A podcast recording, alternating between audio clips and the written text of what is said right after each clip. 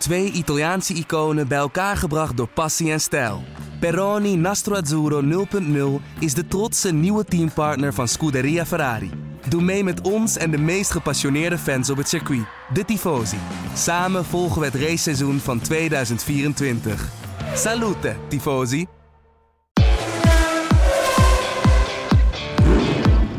Dit is de Formule 1-podcast van De Telegraaf.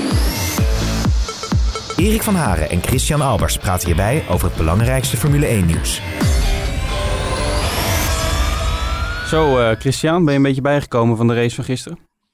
Tja, ik moet het nog steeds allemaal een beetje laten zinken. Dus, uh, het was ongelooflijk. Ja. Ik denk uh, alle mensen die nu zeggen dat Formule 1 saai is, die, uh, die zijn allemaal even op de vingers getikt uh, gisteren. Ja. ja, jij overdreef natuurlijk de laatste week een beetje door te zeggen dat het heel leuk was. Maar ik denk als je gisteren halverwege bent inge, inge, ingeschakeld, dat je ook denkt van dit, dit kan niet kloppen. Hè, als je toen naar de, de volgorde zat te kijken. Nou ja, dat klopt. En ik heb tegen je gezegd ook, uh, vorige week hadden we een discussie ook met, uh, over Max Verstappen natuurlijk, hè, of hij nog kans zou maken op de titel. toen zei ik tegen ja, in Formule 1 kan alles gebeuren. En dat heb je gisteren gezien. Het was alleen echt ja, zwaar balen dat Max natuurlijk er niet erbij kon zijn. dat hij er niet bij zat, dat hij niet snel genoeg was in Monza. Maar dit waren de momenten hè, wat hij eigenlijk met beide handen aan had moeten kunnen pakken. Uh, om natuurlijk uh, bij Lewis Hamilton in de buurt te komen. En dat was gewoon echt jammer, ja. eerlijk zeggen. En je ziet toch wel dat Hamilton uh, dan toch weer gewoon naar die, of gewoon, hè, tussen haakjes, naar die zevende plek rijdt. En nog een snelste ronde rijdt. Die, die houdt dan de schade, of die beperkt hij eigenlijk een beetje. Ja, Hamilton was gewoon weer een aparte klasse apart. Ja. Omdat als je zag bijvoorbeeld ook in het begin van de race... Uh, zie je Lewis Hamilton gewoon wegrijden. En het is niet een klein beetje sneller als het hele veld. Maar gewoon 9 tot 9 tiende tot met 1,1 seconden per ronde. En sommige ronden 7 tiende. Maar dat gat is zo gigantisch groot. En uh, het, is, het is natuurlijk al een natuurtalent in de beste auto. Ja, dat is gewoon, uh, ja, dat is gewoon vuurwerk. En dat zie je elke ronde. En je ziet hoe constant hij is en hoe ver hij kan pushen. Ja, en dat zag je natuurlijk ook nog eens een keer na de stop Eh, hoe die dan toch door het veld heen gaat, moet je toch eerlijk bekennen dat, het ook wel, uh, dat hij ook wel last had op een gegeven moment. Hè, toen hij meer bij de auto's kwamen die ook meer op snelheid uh, waren. Hè, dat je zag dat hij daar veel tijd uh, ja. verloor. Um, maar ja, het begin van de race, joh, de start. Ja, Lewis was gewoon weg. En, en, en daar kwam niemand meer aan te pas. Nee, hij reed heel snel weg bij Carlos Sainz, nummer 2. of die, ja, die reed snel naar plek 2. Um, en die bleef eigenlijk ook, ja, die reed heel comfortabel op, uh, op die tweede plek, waar die uiteindelijk ook eindigde. Maar ja, dat was toch een beetje een andere tweede plek dan, dan bij een normale race was, was geworden. Als we het nu toch over Mercedes hebben, ik kreeg er ook een vraag over op Twitter, over Bottas. Die eindigde uiteindelijk als vijfde. Maar die hebben we eigenlijk nauwelijks gezien. Hè? Mensen die vragen zich toch af van uh, bijvoorbeeld Robert Klaver. Van, hoe, heb jij er een verklaring voor waarom hij bijvoorbeeld niet voorbij Norris kwam? Want Mercedes was in de kwalificatie veel sneller. En hij klaagde tijdens de race ook over de motorstand waarin, ze, waarin hij in ieder geval reed. Dat dat, een, uh, uh, ja, dat, dat, dat, dat niet goed was. Hè. Dit weekend moeten ze natuurlijk met de, sinds dit weekend met dezelfde motorstand rijden op zaterdag als op zondag. Maar als je het verschil Bottas Hamilton zag, dat was natuurlijk enorm. Ja, maar dat hebben we eigenlijk al alle seizoenen gezien. Uh, sinds Bottas natuurlijk uh, naast Lewis Hamilton is gekomen, hebben we altijd gezien dat Lewis altijd de bovenhand heeft. En Lewis is daar gewoon, ja, de betere coureur. Ja, dus om een lang verhaal kort te maken, ja, Lewis heeft het en, en Bottas heeft het niet. Maar Bottas is wel gewoon echt een goede coureur. Een tweede coureur die toch nog eens kan vlammen met qualifying. Dat hij toch nog uit, uh, Lewis Hamilton uitkwalificeert. Maar als je dit weekend zag, uh, je begint, de eerste, begint Bottas met een uh, drama-start. Dus hij komt gewoon niet goed weg. Nee. Het grappige daarvan. Nee, dat klopt. Maar het grappige daarvan was dat eigenlijk McLaren al zei uh, in het weekend dat ze uitgezocht hadden hoe Carlos Sainz en zijn reactietijd was op de startlichten. En die van Perez hadden ze uitgezocht. Mm -hmm. En toen zeiden ze eigenlijk al, ja, we hebben gewoon uh, 99% kans. Eh, we blijven natuurlijk altijd wel gok, laten we eerlijk zijn. Dat de reactietijd van Carlos Sainz schijnt zo goed te zijn bij de starts. En daar heb ik dat nog eens uitgezocht. En, heb ik dat, en, en dan moest ik ze ook echt uh, gelijk geven. Want Carlos Sainz is altijd met zijn reactievermogen gigantisch snel weg bij de start. En dat zag je ook weer dit weekend. Je zag het ook weer gisteren. Ja, het was, uh, het was weer gewoon een, een supergoeie start van Carlos Sainz. Zijn reactietime was, was super snel. En Perez, zijn tijd was natuurlijk langzamer. En dan zie je in één keer Carlos dan ook gelijk aansluiten. En dan krijg je Bottas, die dus en een slechte start heeft. En dan eh, een slecht gevoel in de auto krijgt, die eigenlijk alles goed wilt maken. Die als ja, toch een beetje wild links-rechts over de baan gaat. Hè, waardoor hij alleen maar op het vuile gedeelte gaat rijden. En wat gebeurt er natuurlijk op het vuile gedeelte? Dan krijg je pick-up, je banden worden vies en smerig. En wat krijg je dan? Dan krijg je dat de auto gaat glijden. En daarvoor hoorde je paniekerig ook uh, Bottas door de uh, boordradio. Heb ik een, een, een, flat tire, een, ja, lekker band. band ja. En het team ging dat dus twee, drie, vier keer controleren. Nee, uh, Valtteri, je hebt geen lekker band. Maar dat had alleen maar te maken omdat hij elke keer van zijn ideale lijn afging om te verdedigen zijn positie.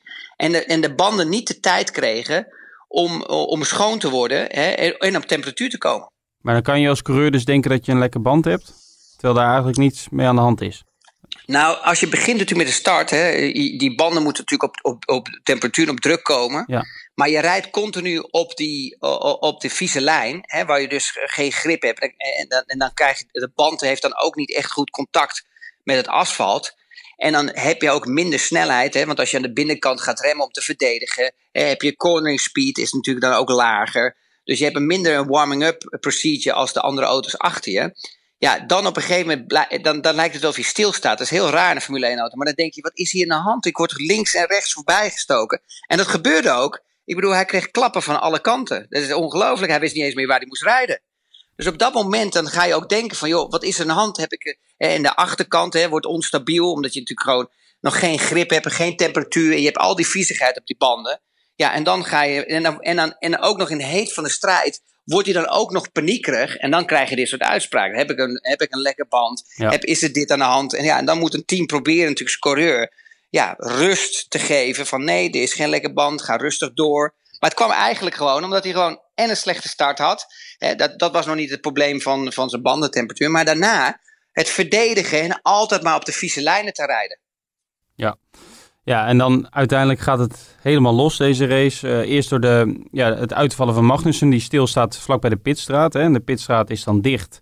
Hamilton ziet dat niet, rijdt naar binnen en krijgt later die uh, stop-and-go penalty waar je het net over hebt. Dan vlak daarna, na die uh, safety car, krijgen we de, de klappen van Leclerc. In een ook weer dramatisch weekend voor Ferrari. En dan, ja, eigenlijk wat ik nog niet heb meegemaakt als verslaggever ter plekke is dat een race, dat we een rode vlag krijgen. Dat een race, nou, volgens mij lag het meer dan een half uur stil. Ja, en wat er dan gebeurt, die chaos in die pitstraten. Ik, ja, daar sta je dan met je neus bovenop. Dat was wel prachtig om te zien, moet ik zeggen. Met heen en weer rennende monteurs. Hamilton die nog naar binnen komt rennen om eens even bij de stewards te vragen wat hij nou verkeerd heeft gedaan. Uh, je ziet Albon en Verstappen nog top overleg hebben met uh, Helmut Marko en Christian Horner. Um, ja, en dan even naar de hoofdrolspeler van gisteren natuurlijk, de winnaar, Pierre Gasly. Elle est presque là, elle est presque là, cette victoire. Accélère, accélère. Oui, il va aller la chercher. Ne lâche pas La victoire de Pierre Gasly. Il l'a fait. Victoire de Pierre Gasly. Victoire d'AlphaTauri La victoire française. Ja, die had natuurlijk ook een geweldige start bij die herstart, uh, bij die tweede start zeg maar, maar ja, hoe, hoe heb jij dat beleefd? Dat eigenlijk denk ik, als ik het zo. Uh, ik ga veel om met Franse collega's, die hadden de tranen in hun ogen staan. Die zijn natuurlijk uh, niet helemaal objectief wat dat betreft. Maar ik denk dat het weinig coureurs meer is gegund dan, uh, dan hij. Ja, zeker. En zeker na vorig jaar natuurlijk. en, en, en de druk die altijd Red Bull op hem gezet heeft, waar ze nu van geleerd hebben. En nu doen ze juist weer helemaal tegenovergestelde. Met Albon. Om Albon aan alle kanten te verdedigen. Wat ook weer te veel is, moet ik je eerlijk zeggen. Hè? Maar we hebben het al vaker over gehad. Dit is gewoon niet de tweede, de, de, de goede keuze van Red Bull, de tweede coureur. Want die, die, hij, heeft, hij mist gewoon te veel snelheid uh, vergeleken bij Max om de auto sneller te maken. Maar ja, dan Pierre, weet je, ja, ja, moet je eerlijk zeggen, ja, ik gun hem van harte de overwinning gisteren. Ik denk dat hij gewoon ja, geniaal gereden heeft. Hij is de enige die gewoon constant gereden heeft. Hij voelt zich in zijn hum. Hij voelt zich lekker bij het team. Hij heeft geen druk. En dan zie je dat een coureur naar boven komt. Ja. En dat heb ik wel eens vaker gezegd, ook met Max. Als je daar een coureur bij zet die heel erg dicht bij Max zit, hè, waar je met, met Ricciardo en al dat dingen, dat, dat was best wel dicht bij elkaar. Dan kan het ook wel eens een, een overruling gebeuren. Hè. Het kan ook wel eens zijn dat, het, dat hij zich En dan komen de resultaten er ook niet uit. En nu voelt, voelt, Max ook dat hij niet bedreigd wordt. Maar het, ook het negatieve daarvan is dat hij niet sneller in zo'n weekend nog meer kan vinden. uh, fine-tuning om nog sneller te worden. Maar aan de andere kant heeft hij ook niet de druk. Dus je ziet ook dat hij zo relaxed in zijn vel zit en dat hij dan ook zo hard kan gaan. Ja. Nou, dat, heb je nu, dat hebben we nu gezien bij Pierre. Ja, hij heeft gewoon een fantastisch weekend gehad. En hij was ook al, hij was ook al gewoon heel goed onderweg in Spa-Francorchamps. Dat was ook helemaal zijn, zijn, zijn, zijn, zijn, kindje op dat moment. Dus ja, ik vond, moet je eerlijk zeggen, ik gunde het van harte. Het was een superleuke, reus, uh, superleuke race. En, uh, en het was eigenlijk ook weer zijn race, weet je wel. Waar, ja, ik, ik, vond de vorige race ook al leuk, maar nu, nu is het echt voor, de, voor alle fans. Ja, die, en ook gewoon de normale kijkers die geen verstand van hadden. Ja, dat was natuurlijk geweldig. En ook zo'n stop natuurlijk met een rode vlag. Ja, weet je, dat is toch sensatie als je thuis zit achter de, ja. achter de televisie. Ja, en je er bent wat er gaat gebeuren. En ja, over Gasly, kijk, misschien achteraf, uh, kijk, we moeten, kunnen natuurlijk eerlijk zijn, het half jaar dat hij bij Red Bull reed, was natuurlijk ook onder de maat. Alleen als je ziet zijn verandering sindsdien, um, dat zei hij, ik heb hem een maand geleden ook geïnterviewd, uh, dat is eigenlijk een soort, een pakweg een jaar na die, na die switch. Zie je toch dat hij inderdaad wat jij zegt, en dat zegt hij ook, hè, dat hij zich bij Alfa Tauri, dat hij zich daar heel erg op zijn plek voelt. En dat hij daardoor ook veel beter is gaan presteren. En um, ik had geschreven dat het is ook een soort revanche richting Red Bull. En daarmee bedoel ik niet dat hij dat per se dat zitje verdient. Alleen ik bedoel ermee dat, dat, dat zij met de switch met Albon, met die, uh, ja, met die beruchte wisseling vorig jaar, dat ze natuurlijk niks zijn opgeschoten. Gasly stond natuurlijk vorig jaar in Brazilië ook al op podium. Dit is zijn tweede podiumplek en nu zelfs een overwinning. En Albon heeft nog geen één keer op het podium gestaan bij, uh, bij Red Bull. Dat is natuurlijk wel uh, een dingetje. Nee, maar het probleem was gewoon dat Red Bull te snel paniekerig werd. En hem eigenlijk nooit de ondersteuning heeft gegeven wat een topteam zou moeten doen. Bij Gasly en dan op je? een gegeven ja. ja. bij Gasly. En dan Ja. heb je op een gegeven moment, dan, dan ben je als coureur, sta je in de hoek waar de klappen eh, vallen. En waar, je, het heel moeilijk is om de turning point te vinden. Waar je dus eigenlijk zonder een opgelaten gevoel en zonder druk in een auto kan stappen. En eigenlijk de belangrijkste, belangrijkste factor moet zijn, have fun. Je, moet, je moet het naar je zin hebben om te racen. Je moet in die auto stappen waar je zegt, yes, let's go. We gaan vandaag plezier hebben. En het moet niet zo zijn van, oh, de druk staat erop. Ik moet presteren vandaag, want anders lig ik eruit. En dat was, en dat was het hele grote probleem.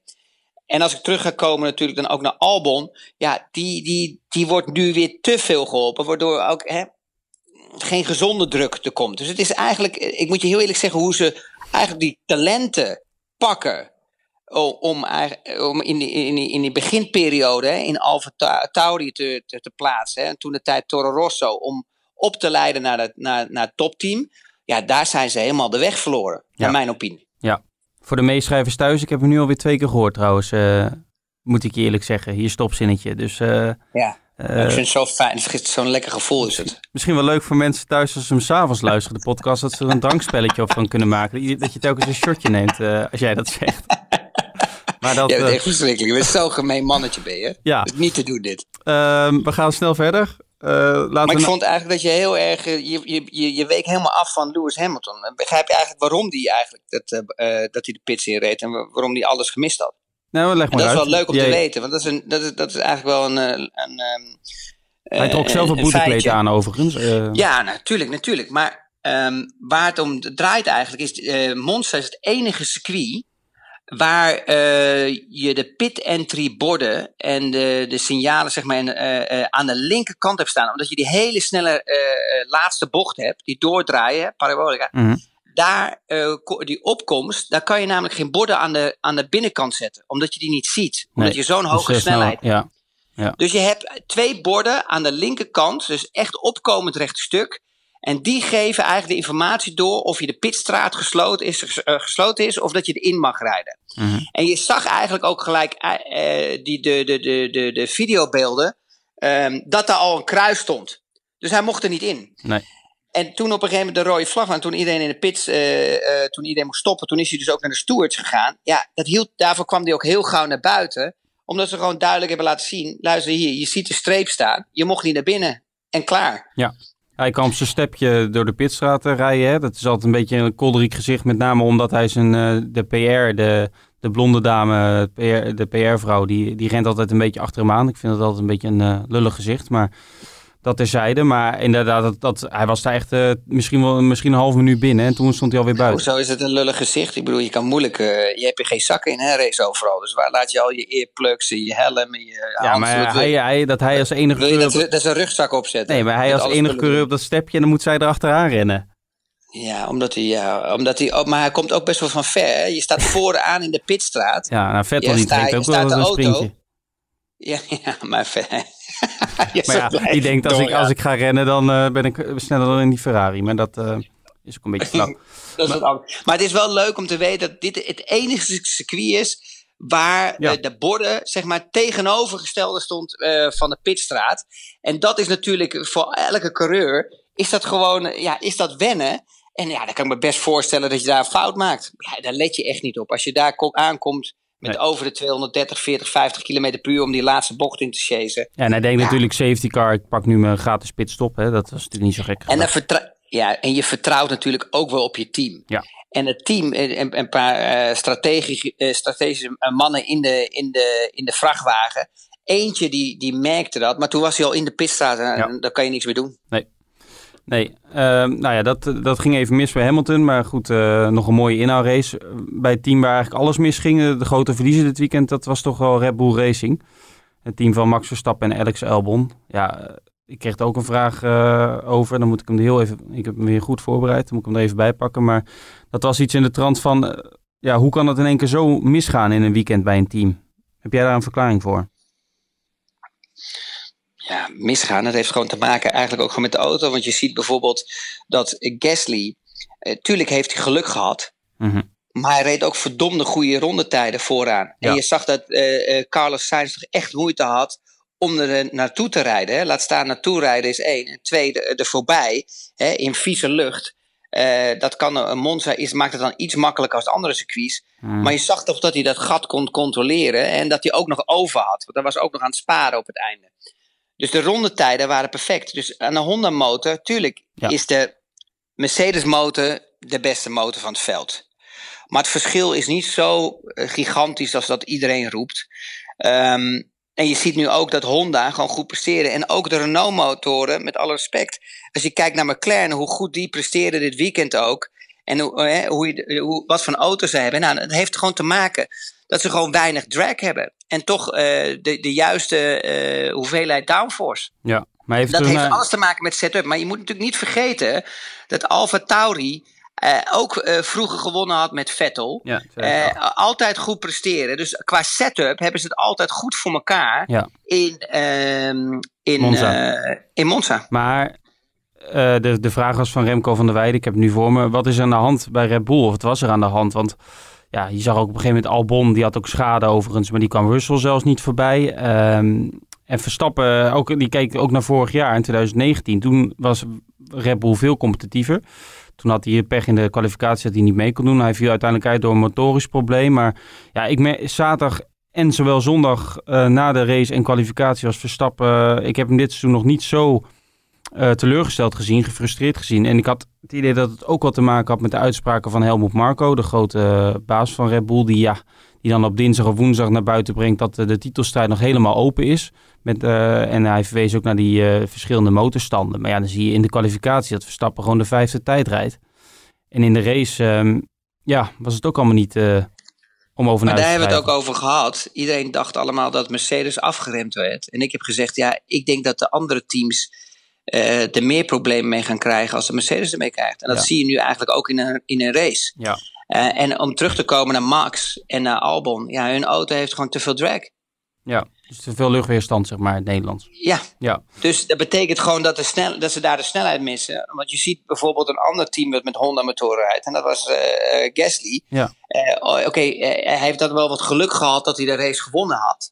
Maar qua rondetijden, eh, ook eh, in het begin van, eh, van de race, eh, zat hij er goed bij. Ja. Maar ik vond eigenlijk dat Max ook wel echt aan het aanzetten was in lap 4 en 5. Daar was hij ook echt de druk aan het opvoeren bij Bottas. Ja. En dan zag je wel dat hij de snellere was. Alleen hij heeft gewoon pech gehad dat, eh, dat eh, toen een rode vlagsituatie kwam. eh, toen de herstart kwam, want Monza is nou eenmaal, moet je ook geluk hebben bij die eerste bocht. Want iedereen is aan het kijken, waar gaan we naartoe, waar ga je je auto settelen. En daar heeft hij gewoon heel veel mee verloren. En toen, ja, toen de, de, de pech gehad eigenlijk met de motor. Maar ik denk als hij in de wedstrijd was gebleven, dat Max wel gewoon uh, vierde of derde had kunnen worden. Ja, dat denk ik ook. Alleen, um, ik, ik vond zijn, zijn. Kijk, hij heeft natuurlijk ook lang op zijn uh, tong moeten bijten. Maar ik, ik, wat ik me een beetje verbaast, en dat heb ik al langer bij Red Bull, en dat zal ook een spel naar de buitenwacht zijn. Hè. Het is altijd mijn excuses zoeken. Hè. We hebben het net over Albon gehad. Uh, maar ja, ik lees ook een Christian Horner, de teambaas, die na afgelopen week in een interview zegt dat Adrian Newey, de grote ontwerper van de Red Bull auto's, hè, vroeger heel succesvol, dat die uh, een paar jaar, de, zeg maar, de laatste Renault-jaren, niet meer gemotiveerd was. Hè? En toen heeft hij vooral aan dat zijproject gewerkt. Dan denk ik, ja, je, bent, uh, je staat voor bijna een miljoen, misschien wel meer dan een miljoen euro per maand op de, op de loonlijst. Dan moet je toch zeggen, ga eens terug naar de tekentafel. En als je nu toch ook weer ziet... Ja, maar dat is echt een hele, hele domme uitspraak. Van Horner bedoel je? ja, ik heb nog nooit... Ja, okay. Nee, van Horner. Ik heb nog nooit Nee, wij, wij, wij beschermen elkaar altijd, toch Erik? ja, bijna Nee, altijd, maar ja. ik, vind het, ik vind het echt een hele domme uitspraak. Dit is echt gewoon, uh, ja, dit is echt gewoon geen slimme actie van hem. De, ja, ik, ik vind de uitspraak van Marco ook dom. heel dom. Ik vind, ja, ik vind de uitspraak van Marco ook heel dom. Want je weet, als jij dat op woensdag of zo komt, dan kan dat naar buiten of dinsdag, weet ik niet meer goed. Maar dan Verstappen wordt op donderdag, op zaterdag en op zondag. Nou, ben ik niet met je eens. Ben ik niet met je eens, want je hebt gezien dit weekend, dit is, dit is het bewijs. Nee, in Formule 1. Nou ja, je ziet toch dat de Mercedes gewoon weer in de punten eindigen en Red Bull niet. En je ziet toch in de kwalificatie dat maar het verschil omdat is. Red Bull, omdat Red Bull uitgevallen is. Maar ja, maar dit Max... zijn toch incidenten, dit soort races? Je moet toch voor een titelstrijd moet je toch bijna wekelijks competitief zijn? Ja, nou, ik vind, moet je eerlijk zeggen, als je continu elk weekend derde staat. Ja, en dat, en, en dat je achter de Mercedes aantokkelt. En natuurlijk begrijp ik dat het, de, de, ik bedoel, dat is nou eenmaal Formule 1, dat je niet dezelfde auto, dezelfde snelheid kan uh, hebben. Maar dit, dit, dit soort dingen zitten. Je ziet wat er kan gebeuren, dat zo'n race in één keer om kan slaan. En het hoeft maar één keer zo'n akkefietje komen, ook bijvoorbeeld met Bottas en Hamilton, dat ze elkaar raken. En dan heeft Max gewoon maximale punten. Ja, maar Bottas dus, is te lief om dat, dat te doen, want die, uh, dat gebeurt gewoon niet. Ja, maar je ziet nu ook bijvoorbeeld als Max, als dit nou op een ander circuit had plaatsgevonden ja. dan Monza, dan had Max de overwinning gehad dit weekend. En dat, en, en dat is de realiteit. Dus om, daar, om terug te gaan, dan is Max, Max is toch nog steeds vandaag is nog steeds in de titelstrijd. Nee. Natuurlijk wel, er zijn toch nog superveel races die komen. Ik bedoel, Lewis Hamilton, daar hebben we de vorige keer ook over gehad, heeft zijn titelstrijd verloren tegen Nico Rosberg. Wie is de betere coureur? Wie had de betere res resultaten? Lewis had dezelfde motor als Nico Rosberg en die heeft geloof ik al vier, vijf keer motorprobleem gehad. Ja. Dus ja, het kan zo omslaan. Dus ik vind, Helmut Marco, ik begrijp je frustratie van zijn uitspraak. En, maar jij Ja, ziet het qua performance. Maar, Ja, het, maar je- het verschil, maar ik kijk gewoon naar de stand, eh, Chris. Het, het, het verschil Ja, is dat klopt, 54 maar- punten. Dat zijn Ja, twee dat meer dan twee overwinningen. Maar jij kijkt naar performance. Ja. En ik kijk gewoon naar, naar, naar een heel compleet seizoen. Het wil, je, je moet niet altijd de beste auto hebben om wereldkampioen te worden. Daar hebben we zo vaak in alle jaren meegemaakt dat de beste auto, dat niet de beste auto wereldkampioen wordt. Het heeft ook te maken met geluk en op het juiste moment daar zijn. En dat hebben we dit weekend ook gezien. Ik bedoel, wie had verwacht toen Gasly uit Red Bull werd gezet, dat hij een overwinning zou hebben, dat hij eerste zou worden in Italië met een Italiaans team? Ja. Niemand toch? Daar had Nee. toch niemand, niemand had dat gedacht. Dus da- daar bedoel ik te zeggen, dus ik, begrijp, ik begrijp jou wel dat je zegt, oké, performance-wijs eh, slaat het nergens op wat Helmoet Marco zegt. Dan ben ik met je eens, omdat eh, Mercedes toch echt een veel grotere stap heeft gezet. En je ziet ook dat Lewis Hamilton in de race ook echt een, een, een, ja, een klasse apart is. Vergeleken ook met Bottas. Hij rijdt gewoon echt een seconde weg bij de tweede man. Dat is echt gewoon gigantisch. Dat, Mhm. dat, is, bijna, dat is gewoon bijna niet meer te vinden door zo'n seizoen heen. Maar het, het bad luck zit in een klein hoekje. En dat, zie je, en dat zie je nu ook. Dit is weer het voorbeeld dit weekend. Ja. Ja.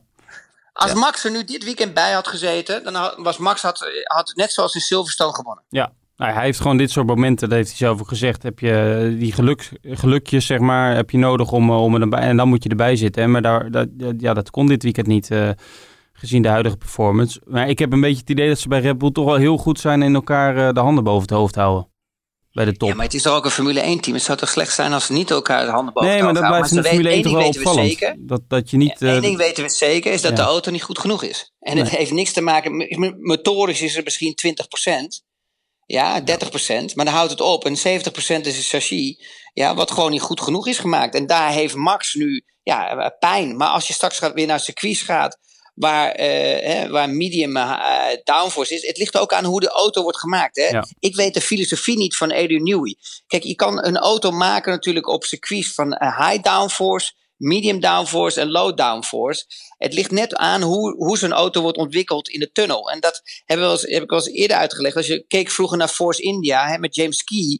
En bijvoorbeeld um, uh, toen de tijd dat hij naar de Sauber ging en ook naar Alfa eh, Tauri ging. Je ziet dat dat soort auto's weinig drag hebben en heel hard gaan op het stuk met, en met toch redelijk veel downforce. Ja. En, dat, en dat is de filosofie van de designer.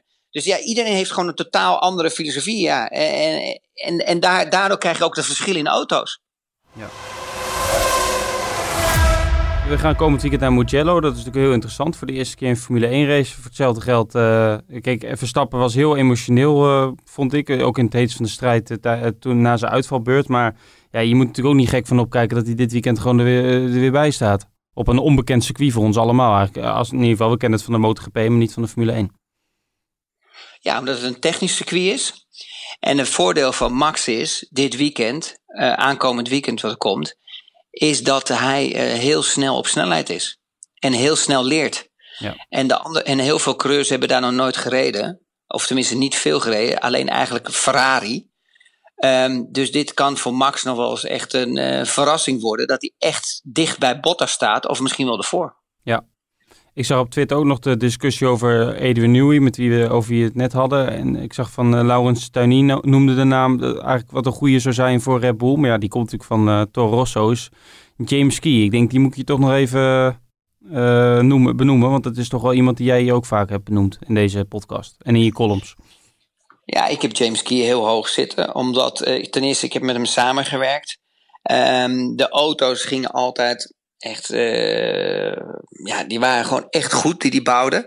Alleen we hebben gewoon heel veel uh, bad luck gehad met uh, 2006 met een Toyota motor die gewoon niet sterk genoeg was en niet hm. snel genoeg was. maar je zag dat hij daarna gewoon met Force India, met Fisichella en, en andere coureurs wel goed presteerde. Ook in Spa-Francorchamps, bepaalde circuits. Dat ze gewoon echt heel snel waren. En James Kia is, gewoon een, is, is eigenlijk gewoon ja, een nieuw talent, weet je wel. is een nieuwe orde die opkomt, maar hij kan alles goed managen. Hij, hij wordt geliefd door iedereen.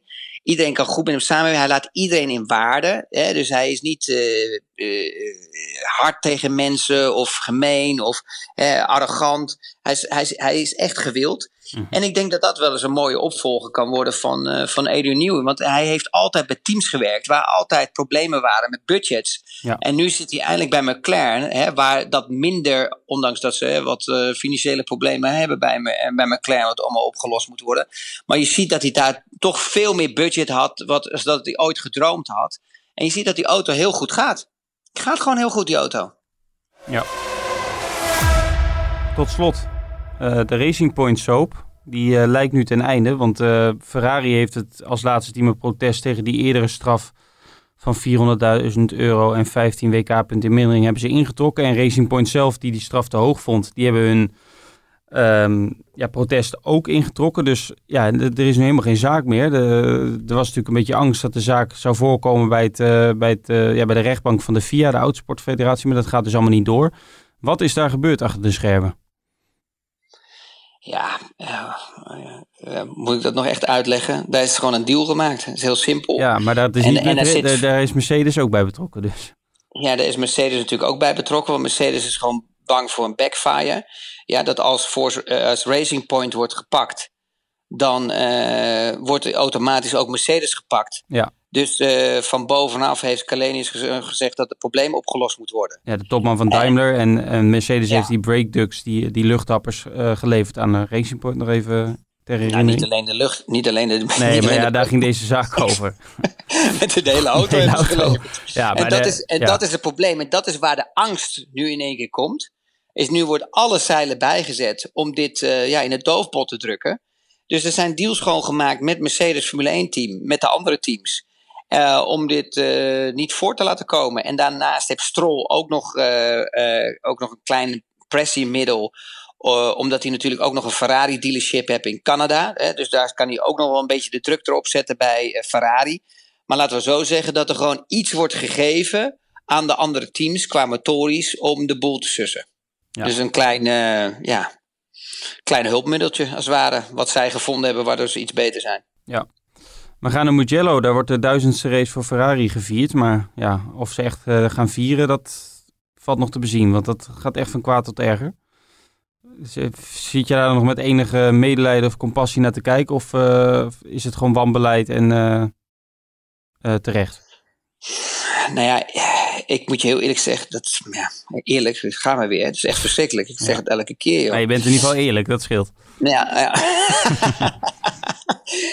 nee, het is, eh, ja, het is echt een drama daar op dit moment bij Ferrari. Eh, ik denk ook echt dat ze allemaal echt een heel slecht gevoel hebben. Dus ik denk dat het ook verschrikkelijk is als je daar komt op de paddock. ehm, als, als grote Ferraris zijn, dat alles zo op dit moment niet werkt. Ehm, en ik vind het ook eh, verschrikkelijk ook voor de, voor de brand, gewoon voor Ferrari zelf. Ja. Ik weet nou niet, moet ik eh, eerlijk gezegd, ik zou nog één keer zeggen, eerlijk Ja. gezegd, of dit een goede keuze is om Binotto te laten zitten daar. Want je moet soms ook nog wel eens de vuist op tafel slaan en drastisch dingen veranderen. Ja. Omdat, ja, we zijn, ze zijn nu zo ver achter geraakt. Het grappige er wel van is dat Binotto was vroeger gewoon mijn eh Mhm. Ik zat de hele tijd te kijken naar de televisie. Ik denk, ik, ik ken hem toch ergens van. Ik weet echt niet meer van wat en zo. En later kwam ik erachter dat hij natuurlijk eh, voor Ferrari, voor de, eh, de mo- motoren die ze leverden toen de tijd aan Spijker, Ja. was hij mijn eh engineman. Dus hij stond eigenlijk waar, eh, hij had eh, eh, de leiderschap van alle motoren bij ons in het team. En dan zat hij eigenlijk altijd achter de, de computer om de motoren eh, eh, te checken. Dus het was wel Oh ja. grappig eigenlijk om dat te zien. Dus moet je nagaan wat, eh, wat die laatste ja, 14 jaar gebracht Het is heeft. wel grappig hoe dat dan gaat. Want jij hebt dus met James Key gewerkt, met Binotto, met Giampiero, de, de huidige engineer van Max, toch? Ja. Ja. Dan Jens Marquardt, die, zit nu, die is nu de baas van eh, BMW Motorsport. Oké. Ja. Die was bij Toyota de mo- motorenman. Dus je ziet eigenlijk dat best wel veel mensen van de motorenafdelingen eh, toch eh, redelijk eh, hoge posities krijgen in, in Formule 1 teams. Heeft het dan nog betrekking tot dat ze met jou hebben samengewerkt of is dat dan toeval? Nee, dat is toeval. Maar je ziet Laurent Mekies is bijvoorbeeld was mijn Ja, engineer bij Minardi. Die, zit, ja, die is nu bij Ferrari ook. Ja. Ehm, dus je ziet, ja, je ziet heel veel mensen eigenlijk ook toch wel groeien in de Formule 1. Behalve ik, ik ben eruit. Ja, maar jij hebt nu een geweldige podcast. ja, zo, Heb je nog contact het. met dat soort eh, mensen of eh verwatert Ja, ik gelijk? spreek ze, ja, niet, eh, niet dagelijks en ook niet elke week. Maar ik probeer ze wel af en toe wel eens te bellen. Om ook gewoon eens een keer te horen natuurlijk wat, wat hun visie is. En, en, en wat zij horen, wat voor geruchten er allemaal zijn. En het is wel leuk om dat een beetje... En natuurlijk, als we altijd naar Monaco komen... Dan proberen we eigenlijk altijd af te spreken. En doen we altijd lunches of een diner. Oké, nou, goed om te horen. Ehm, over eh, ja, praten gesproken, wij spreken elkaar volgende week weer. Ik, ik zei vorige week trouwens eh, bij de, ja, bij de afsluiting van de podcast dat we deze podcast wat later dan gepland zouden opnemen. Maar ik heb vandaag dus speciaal voor jou de vroege vlucht gepakt eh, vanuit Italië. Maar dat ga ik maandag niet doen, dus dan moeten we elkaar eind van de middag even spreken om de podcast op te nemen, vrees ik. Ik hoop dat dat, dat, dat lukt. Oké, Oké, ik spreek je volgende week weer. dankjewel. Joe.